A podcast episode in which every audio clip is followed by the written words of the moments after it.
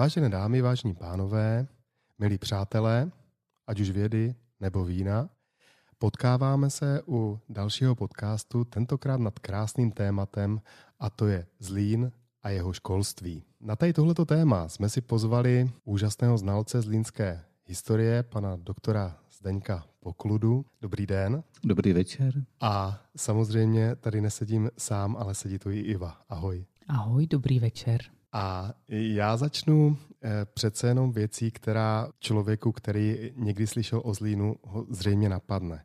Eh, Zlín a jeho rozvoj je vždycky spojován s Tomášem Baťou. Každý si dokáže představit, že i zlínské školství pravděpodobně bude mít svůj původ v ideích Tomáše Bati. A já se musím na začátek zeptat, jak to bylo s Tomášem Baťou a jeho formálním vzděláním? Tomáš Baťa měl úplně normální, standardní vzdělání, které v té době bylo. V době, kdy on chodil do školy, tak bylo velkou vzácností, když někde bylo gymnázium a stejně tak dost neobvyklé bylo měšťanská škola.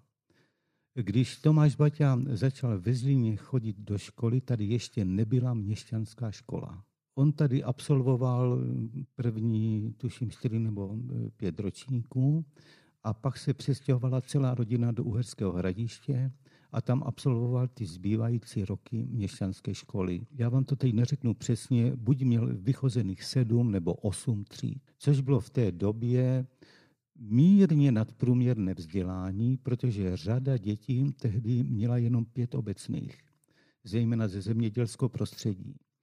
Ale děcka z řemeslnického prostředí, jako byl Tomáš Baťa, tam se spíš dbalo, aby měli taky měšťánku. Takže Tomáš Baťa měl standardní základní vzdělání. Znamená to tedy, že maturitu neměl, vysokou školu už vůbec ne.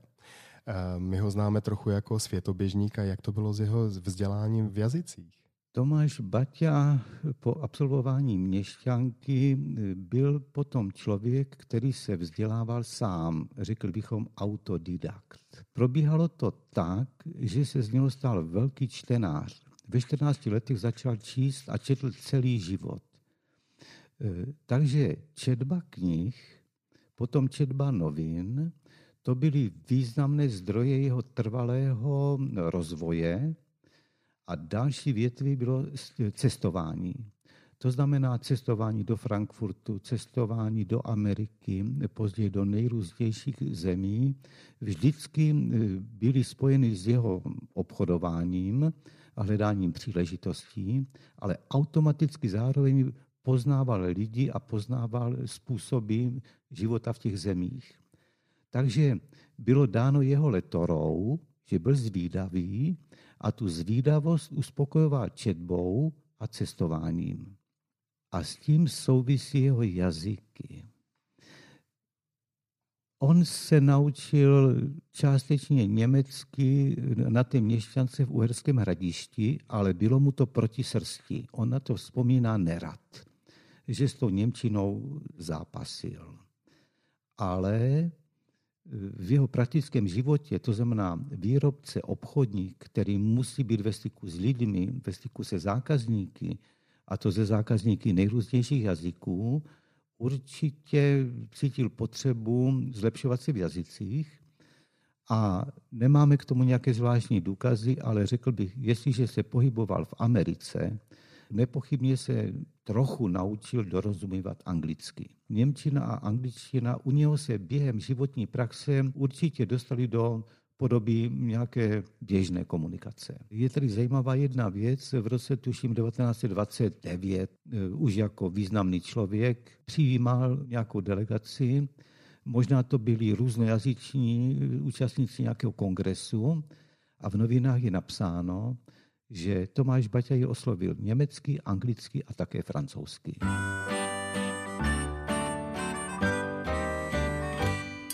Která byla ta léta, kdy si uvědomil důležitost vzdělávání, nejenom tedy, protože tady už tehdy existovala ta, řekněme, obecná škola, ale kdy si uvědomil, že musí budovat školství jako celek ve Zlíně, chceli mít dostatek odborníků? Na toto je těžká odpověď v tom smyslu, že já mám ten dojem, že Baťa měl v sobě uloženou potřebu zlepšovat lidi.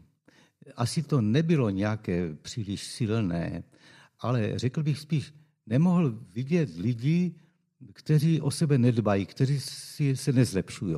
Možná, že to souvislo i s tehdejší dobou, kterou my už dneska těžko chápeme. To byla doba, kdy Masaryk a potom i Baťa třeba bojoval proti alkoholismu, což tehdy byla metla. No to je jako dneska drogy. To znamená, že rodiny tehdy chátraly, protože tatínek chodil do hospody a, a rodina hynula. To znamená, v tehdejší době lidí bylo rozšířeno taková snaha vyhýbat se zlu a spíš podporovat dobro. A mně připadá, že ten Baťa měl v sobě možná takový pocit, že když teda má zaměstnance a dělníky a oni pracují a oni ho si vydělají, že by se měli zlepšovat.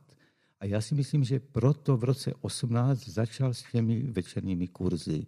Začalo se s koželustvím nebo chemií, pokračovalo se jazyky a potom další různé praktické kurzy. Snažil se lidech vzbudit snahu zlepšovat se, vzdělávat se a bylo mu samozřejmě jasné, že když nabídne kurz, tak eh, se lidi přihlásí a nevytrvají. A tak to taky bylo. Vyhlásil se kurz angličtiny, přihlásilo se x lidí, no a pak se to redukovalo. To se děje, tuším, i dneska.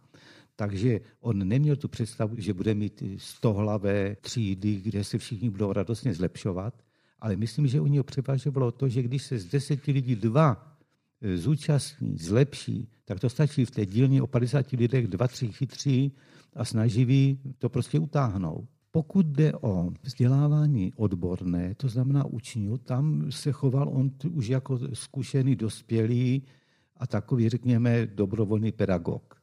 On neustále ty 15-leté kluky se snažil naučit pracovat a naučit být samostatný a hrdý. Takže tam na to měl páku, že mohl provozovat soustavné každodenní vzdělávání, než ten kluk dostane výuční list. Tam už to mělo formu, řekněme, takovou organizovanou, ale měli to v rukou zase ti baťoví zaměstnanci, to znamená ti vychovatelé a ti učitelé. To už Baťa sám nedělal. A pokud jde o tu třetí složku toho veřejného vzdělávání, to znamená všechny zlínské děti, protože ovlivňoval eh, jako předseda městské školní rady, ovlivňoval rozpočet škol, výstavu budov, materiální zabezpečení a on teda navíc ještě připravil tu reformu školství s tím docentem příhodou z Karlovy univerzity a tam šlo o tři zásady. Aby školák, který opustí základní školu, byl dobře připraven pro praktický život, aby výchova e, žáků po celou dobu spočívala v tom, že bude spolupracovat učitel s rodiči, spolupráce rodiny a školy, a to se provádělo soustavným pořádáním setkání rodičů a učitelů. A třetí zásada byla nadprůměrné ohodnocení učitelů za ty více práce, kterou při tomto způsobu práce měli.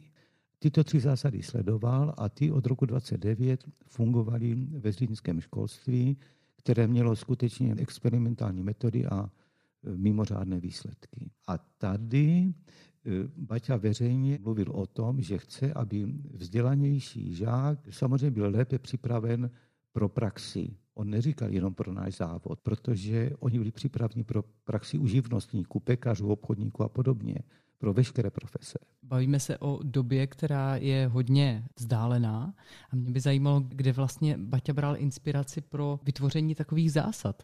Je to inspirace ze zahraničních škol, nebo jsou to jeho vize, nebo vize nějakých spolupracovníků, kterýma se obklopil? Já vám to neřeknu, proč se rozhodoval, ale řeknu vám, jak se rozhodoval v něm určitě byla snaha prostě komunikovat s lidma, to znamená s učiteli, s rodiči, s kýmkoliv, aby se dostavil lepší výsledek. Rozhodoval se rychle. V roce 1923 byl zvolen starostou a v roce 1924 vzal skupinu lepších zlínských učitelů a poslal je do Německa, aby se podívali, jak se učí v Německu. Když ti Učitelé, já myslím, že byli dva nebo možná tři, prodělali tu cestu v Německu, tak o tom psali články do zlínských závodních novin a pak o tom vyšla brožura.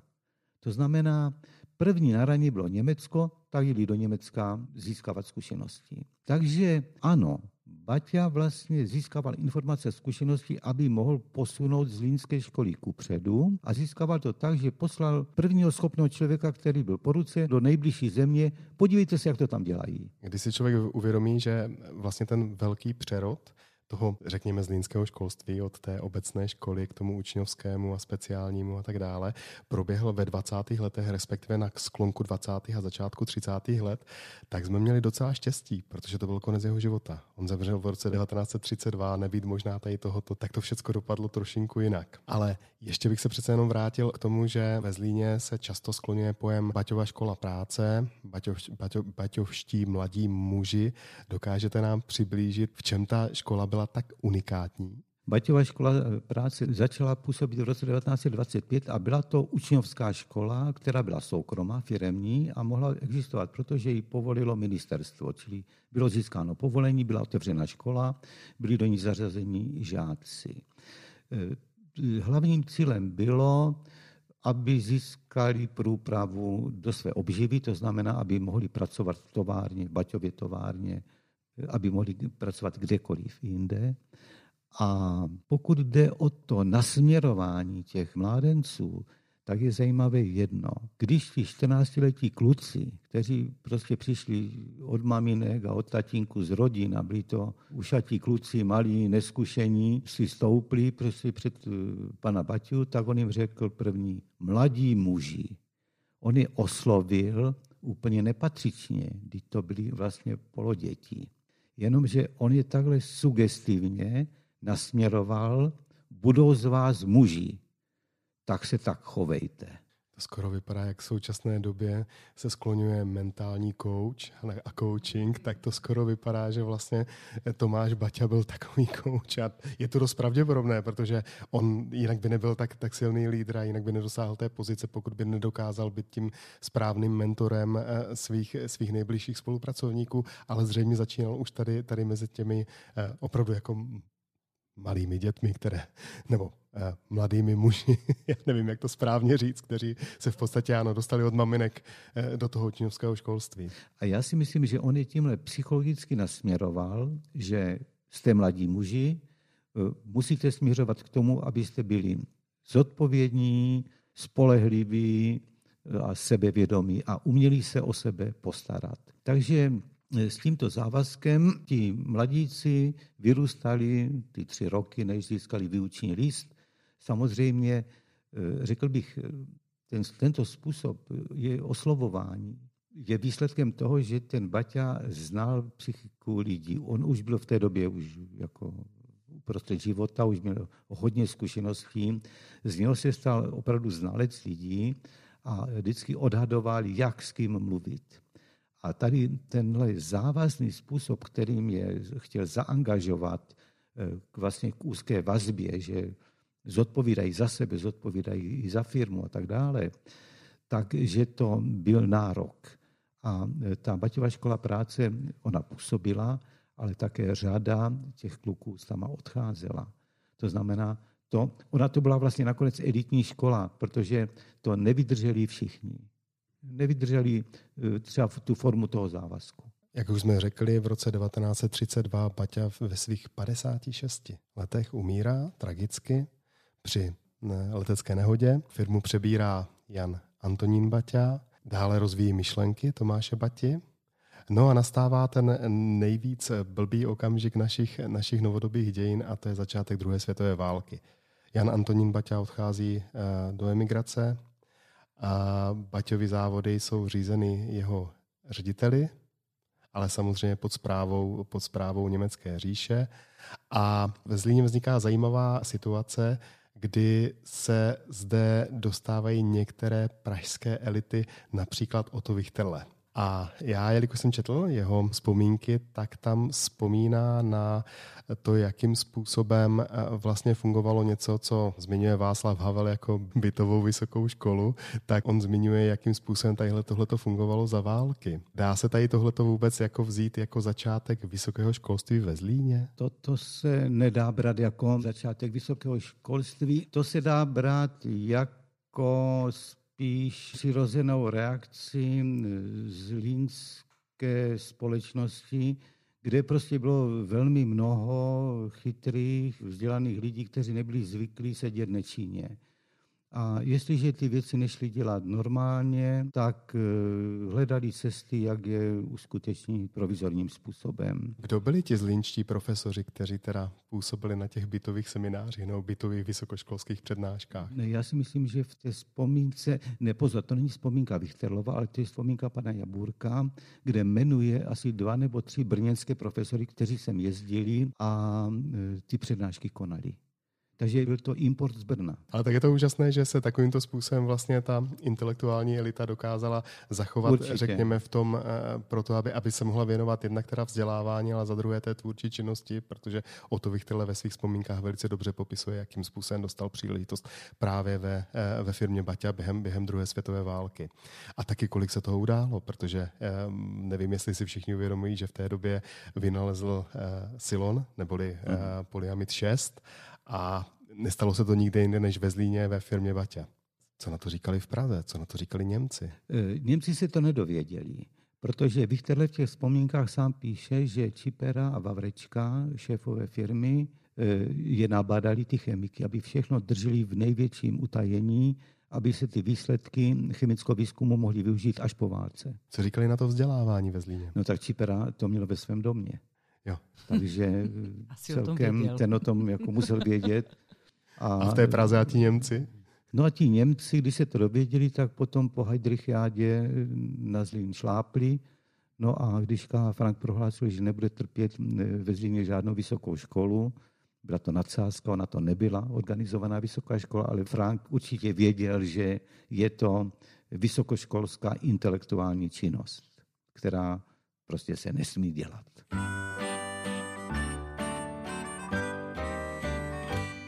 My jsme se tady bavili o podstatě dvou stupních školství, o nějakém jako základním školství, o učňovském školství, ale mě potom zaujalo na vaší přednášce to, že v roce 1928 vyšel inzerát, respektive firma Baťa si dala inzerát, ve kterém hledala organizátora školství v, řekněme, průmyslového směru, a to od školství základního až po vysoké. Takže je to tak, že už v tom roce 1928 v Baťově hlavě klíčila myšlenka, že ve Zlíně by měla být vysoká škola a že vlastně i tento stupeň je pro něho potřebný. Já bych se tady vrátil k tomu, co jsem řekl před chvilkou. Na Baťovi je zajímavé to, co můžeme pozorovat i dodatečně, je rychlost rozhodování. To znamená, jestliže v roce 23 byl zvolen starostou a v roce 24 začal organizovat změnu nebo eh, reorganizaci základního školství, tak když si vezmeme rok 28, tak ty jeho úvahy už dospívaly k tomu, ano, už máme vlastně rozhodnuto, jaké bude základní školství, už se začal dívat, kdy eh, začne do Zlína přitahovat obchodní akademii z Uherského hradiště a v tom momentě mu asi vyplynulo, no a vlastně pak ještě stupeň vysokoškolský. To je jedna věc. Druhá věc je možná ta, že ty jeho široké styky s celou eh, intelektuální veřejností v Československu, to znamená se všemi akademickými pracovišti, ho přivedli mezi vysokoškoláky. Jestliže v roce 27 se postavil na ČVUT v Praze do posluchárny a měl před sebou velké množství studentů, tak samozřejmě přemýšlel, kdo jsou a co jim řekne. A on ty pražské vysokoškoláky velice intenzivně oslovil a máme vzpomínku, že to oslovení působilo.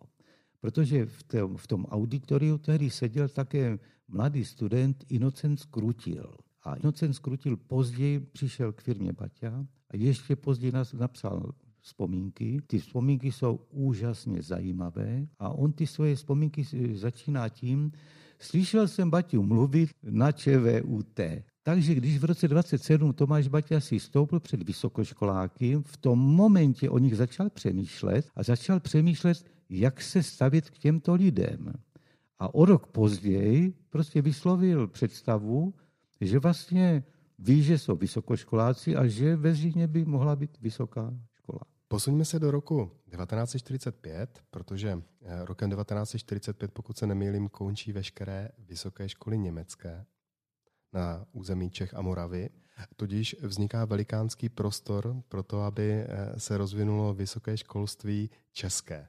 A taky tomu nasvědčuje to, když se člověk podívá, kdy vznikaly jednotlivé vysoké školy. Samozřejmě nebavíme se o Univerzitě Karlově, ale o všech dalších vysokých školách ve velkých průmyslových aglomeracích. Zlín té době už poměrně velká aglomerace s rozvinutým průmyslem. Proč se Zlínu nepodařilo v roce 1945 prosadit vysokou školu? A byly ty názory, které by tomu nasvědčovaly, že jsme chtěli už v roce 1945 školu vysokou? V roce 1945 a 1946 byly podány dva návrhy na vysokou školu ve Zlíně. Jednak na vysokou školu obchodní a na vysokou školu technologickou. Nepodařilo se to, ale řekl bych, v té chvíli to bylo srovnatelné, protože se to nepodařilo nikomu jinému. Podařilo se to pouze Ostravě, která získala vysokou školu báňskou. Takže v roce 1945 ještě žádné z těch jiných center nezískalo technickou vysokou školu. Začalo se to měnit až kolem roku 50. To znamená 49, 50, 51, 52, 53. V tom pětiletí uspěli v Plzni, uspěli v Pardubicích a uspěli v Liberci. A Zlínu se to podařilo až v roce 60. Detašovaným pracovištěm. Detašovaným pracovištěm v roce 1960. Připomeňme si, která to byla vysoká škola, když to bylo její detašované pracoviště. Tady zahrálo eh, roli několik hledisek a výsledkem bylo, že kmotrem nebo kmotrou první vysoké školy ve Zlíně bylo Slovensko, byla Bratislava. Bylo to proto, že o školu usilovali dva velké obuvnické podniky ve Zlíně Svit a v Partizánském. Oba dva jsou to baťovské podniky. A tyto podniky spojily své síly konce 50. let a s podporou ministerstva spotřebního průmyslu se jim podařilo získat povolení k výuce dvou oborů a tyto obory zaštítila e, Slovenská vysoká škola technická v Bratislavě. Zřejmě tady byly e, osobní vazby, e, které trvaly mezi lidmi. Podrobně to nevím, ale hraje tam nějakou roli jméno Anton Blažej a to byl Koželuch. A Anton Blažej byl samozřejmě kmenově vázaný k Bratislavě, a formou tady těchto osobních kontaktů se, se zrodila ta vazba Zlín a Bratislava. Já jsem si všiml na jednom z těch novinových výstřižků, které jste dneska ukazovala, říkal jste, že jste vášnivý sběratel a vlastně staromilec, protože pořád sbíráte novinové výstřižky. Tak tam právě to bylo z roku 1960 a mě tam zaujala jedna věc. Dnešním jazykem bychom řekli, že v té době nově teda vzniklé detašované pracoviště poskytovalo kombinovanou formu studia, to znamená při zaměstnání, a za druhé v podstatě řekněme, kurzy celoživotního vzdělávání neboli večerní kurzy, které měly pouze jakýmsi způsobem rozvíjet. Jestli jsem se dobře díval. Jinými slovy to eh, možná je taky ta doba, kdy vznikla ve Zlíně to pojmenování učiliště u koupaliště, protože nevím, jestli tehdejší obyvatelé, už nikoli Zlína Gotwaldova, Eh, jestli neměli pocit, že to přece jenom není ta vysoká škola v tom pravém slova smyslu, jestli se právě na to nedívali skrze prsty z toho důvodu, že to vlastně jako bylo jenom něco při zaměstnání. Ne, toto si myslím není možné, protože ta budova tehdy sloužila úplně jiné škole a to byl pedagogický institut. To, to znamená, ta, to detašované pracoviště, ono bylo umístěno jednak ve Zlíně a mám dojem i v Otrokovicích už. A bylo to denní studium, včetně kolejí. Oni bydleli na kolik ti studenti? Aha, já jsem si přečetl v tom novinovém výstřižku něco jiného. Ne, ten začátek byl, to bychom se dostali do trošku problémové debaty eh, v tom smyslu, že to byl začátek a tam se kombinovaly ročníky. Já mám dojem, že do Zlína nastoupili až nějací čtvrtáci, kteří měli tu teorii za sebou v Bratislavě a tady přijeli na to dokončování, bylo tam víc praxe, zřejmě jako diplomky a tak dále. To znamená, tady začínali čtvrtáci. Mm-hmm. Takže eh, v tom albu, které jsem tam eh, měl, tam jsou koleje vnitřky, tam jsou posteliči, to nebylo nějaké provizorní studium, bylo to normální denní studium. Kolik těch studentů bylo? Nebylo jich moc, Eh, to byly nějaké desítky. Když připomenu, že dneska má univerzita 9 tisíc studentů, tak... Samozřejmě. Každý začátek je těžší. to je pravda.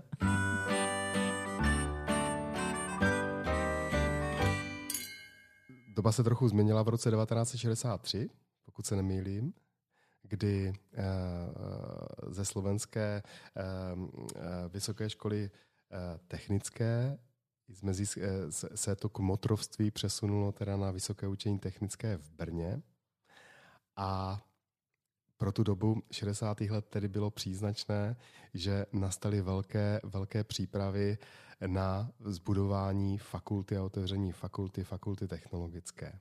Kdo hrál tu klíčovou roli? Jestliže u těch eh, prvních zakladatelů známe všechna jména a jsou výrazně profilovaná, to znamená pan ředitel Černoch ze Svitu a pan Beránek, který připravoval náplň toho působení, tak eh, pro ta 60. let tam době spojení s Brnem je tady řada učitelů, ale oni byli vlastně učitelé detašovaného pracoviště, které patřilo pod Brno a řekněme, do té veřejnější sféry nepronikala nějaká jména jako výrazně profilovaná. Takže to úsilí bylo uvnitř školy, usilovali nepochybně společně a to brněnské vedení tomu úsilí přálo, protože možná tady byla i velká iniciativa v Brně, protože povýšením detašovaného pracoviště na fakultu získalo celé VUT na, na prestiži a na, na významu. To znamená, tady možná ta silná iniciativa byla rozdělená rovnoměrně mezi ty zlínské insidery a mezi e, brněnské nadřízené, protože prospělo to všem. Notabene ono se sluší připomenout, že tehdy Vysoké učení technické v Brně nemělo chemickou ani chemicko-technologickou fakultu. Ta vlastně vznikala až po roce 1989, respektive byla obnovena po roce 1989. Martin Weiter, děkan, by se zlobil, kdybych nepřipomněl, že nám navazovali na chemický odbor, který, který vznikal ještě dávno předtím, na začátku 20. století. On v tom je taky ten důvod, proč vlastně přišla ta vazba z Bratislavy na Brno protože Brno mělo samo o sobě velký zájem získat tady to zlínské pracoviště, protože Brno nezapomínalo, že v roce 1951 jejich chemický obor jim převzala eh, vojenská akademie. To znamená, Brno ztratilo svoji chemii a tady vidělo možnost eh, vlastně ji nahradit a znovu implantovat do svého organismu. Takže tohle se opravdu takhle uskutečnilo. No a nastalo v roce 1969 ten úžasný okamžik 15. dubna 1969, kdy teda vznikla fakulta technologická. Poznamenal jsem si do svých, do svých zápisků, že máme vlastně stejné datum narození jako právnická fakulta dnešní Masarykovy univerzity, protože eh, to bylo vládní nařízení a to vládní nařízení se týkalo dvou brněnských vysokých škol. Eh, jedna z nich byla tehdy Univerzita Jana Evangelisty Purkyně, dnešní Masarykova a ta z nich získala právnickou fakultu, no a druhá Vysoké učení technické v Brně, které získalo teda fakultu technologickou ve Zlíně. Dobře, takže teď jsme ve fázi, kdy ve Zlíně máme fakultu, která patří pod VUT, Teď zní otázka, jak daleko a jak trnitá je cesta od fakulty k něčemu samostatnému a většímu, to znamená k univerzitě. Je zajímavé, že ty klíčové změny eh, eh, hodně souvisí s obecnou náladou ve společnosti. Když si představíme, že Zlín chtěl svoji vysokou školu už od roku 45-46, ale došlo k tomu až po roce 57. Mezi rokem 57 a 60. A to byla doba, kdy skončil nejhorší kult osobnosti komunismu. To znamená, zavál trošku volnější jako vítr a lidé mohli s lepším rozhledem a nadechnutím rozhodovat, a rozhodovat o věcech a připravovat je. Zřízení fakulty v roce 1969 je zřejmě evidentně spjato s čerstvým vzduchem eh, Dubčekovy demokratizace. V roce 68-69 lidé začali s jiným rozmachem eh, přemýšlet, plánovat a konat. Takže v této době se našel prostor pro poskočení o stupeň výš. To znamená, jsme detašované pracoviště, chceme být a budeme fakulta a v těch uvolněnějších, demokratizovaných poměrech tohle šlo provést. Tady se vracíme k tomu, že jestliže se mělo postupit na další stupeň z fakulty na univerzitu, No tak se asi, zase nějaká tak společenská se, změna. Tak se muselo čekat na další závan silnějšího větru. Na ten přišel v listopadu 89, takže zase za změněných okolností, kdy zase se řada věcí už konečně mohla, no tak se všude v Československu nadechovali eh, k novým činům, no a začaly jako houby po dešti vznikat univerzity. Takže myšlenka na univerzitu se přirozeně objevila také ve Zlíně. Napřed váhavě v roce 90-91, ale v roce 93 plnou silou zazněla. No a nastal sedmiletý dlouhý, dlouhý pochod k uskutečnění. Já už jsem toho byl trochu účasten, protože v roce 1996 jsem začal tehdy jako student Fakulty technologické ve Zlíně Eh, Vysokého učení technického v Brně svá studia, tady ve Zlíně. Takže si to trochu pamatuju. Neznám samozřejmě ty detaily, pamatuju si, když vlastně jsme byli dvě fakulty, protože jestli si eh, v roce 1995 vznikala ta druhá zlínská fakulta, tehdy ještě Vysokého učení technického v Brně, a to byla fakulta managementu a ekonomiky. A pak ještě během mého studia vznikla třetí fakulta a to byla fakulta multimediálních komunikací. A měli jsme tři fakulty, knihovnu, doktorské studium a to stačilo k tomu, abychom se mohli ucházet o ten statut univerzity. Ještě to chtělo spoustu úsilí. To samozřejmě ano. Ten, kdo to odedřel a musí tady být zmíněn, tak je samozřejmě Petr Sáha, který prostě táhl a nenechal se žádným způsobem odradit. On sám na to vzpomíná, že když někdy v roce 1991, protože on, on dlouhodobě působil ve Švédsku, Eh, dostal telegram, eh, přijet do Zlína, zvolili jsme tě děkanem. Tak eh, tehdy zrovna mu ležel na stole nějaký kontrakt na dobu neurčitou, aby byl pracovníkem tamnější univerzity a tamnějšího výzkumného centra a jeho tehdejší nadřízený mu řekl, že musí jít konat svoji vlasteneckou a občanskou povinnost. On to komentuje slovy, že teda odjel do Zlína s tím, že to jenom odloží o nějakou krátkou dobu, než teda splní svoji, svoji, eh, svoji eh, vlasteneckou a občanskou povinnost. No a v tom Zlíně už zůstal. Vznikla univerzita on přišel definitivně o svůj švédský důchod. Koho dalšího bychom měli vzpomenout? A hlavně, jak vzniká univerzita? Tak eh, samozřejmě klíčové je, že Petr Sáha, Jiří Dostal a někteří další kolem nich měli pevnou vůli a úmysl. A v tom momentě je potřeba získávat spojence a oni, kromě spojenců ze svého přirozeného prostředí, tedy z univerzity, získali spojence i na venek. To znamená e, v komunální správě a i v pražském parlamentu.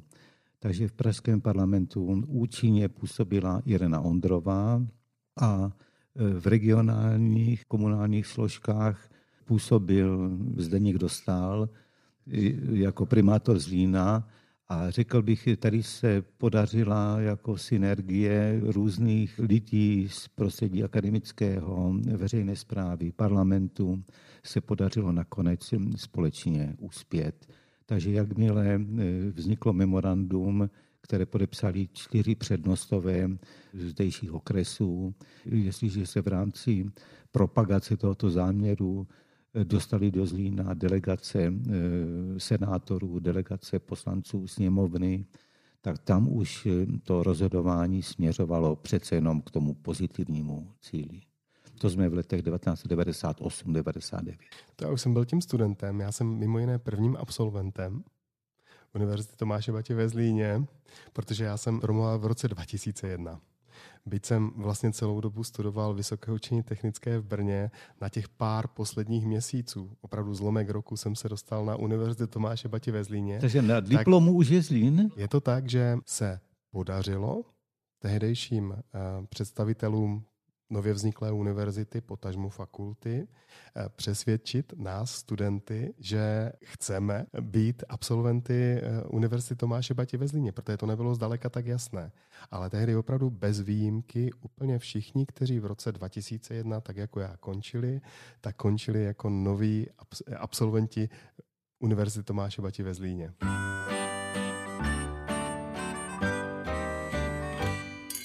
Jsme tedy v roce, kdy Vysoká škola bez zesporu ve Zlíně existuje, kdy má svých šest fakult a je naprosto jednoznačně etablovaná v tom zlínském, eh, potažmo českém a troufám si říct, že i evropském a světovém prostředí.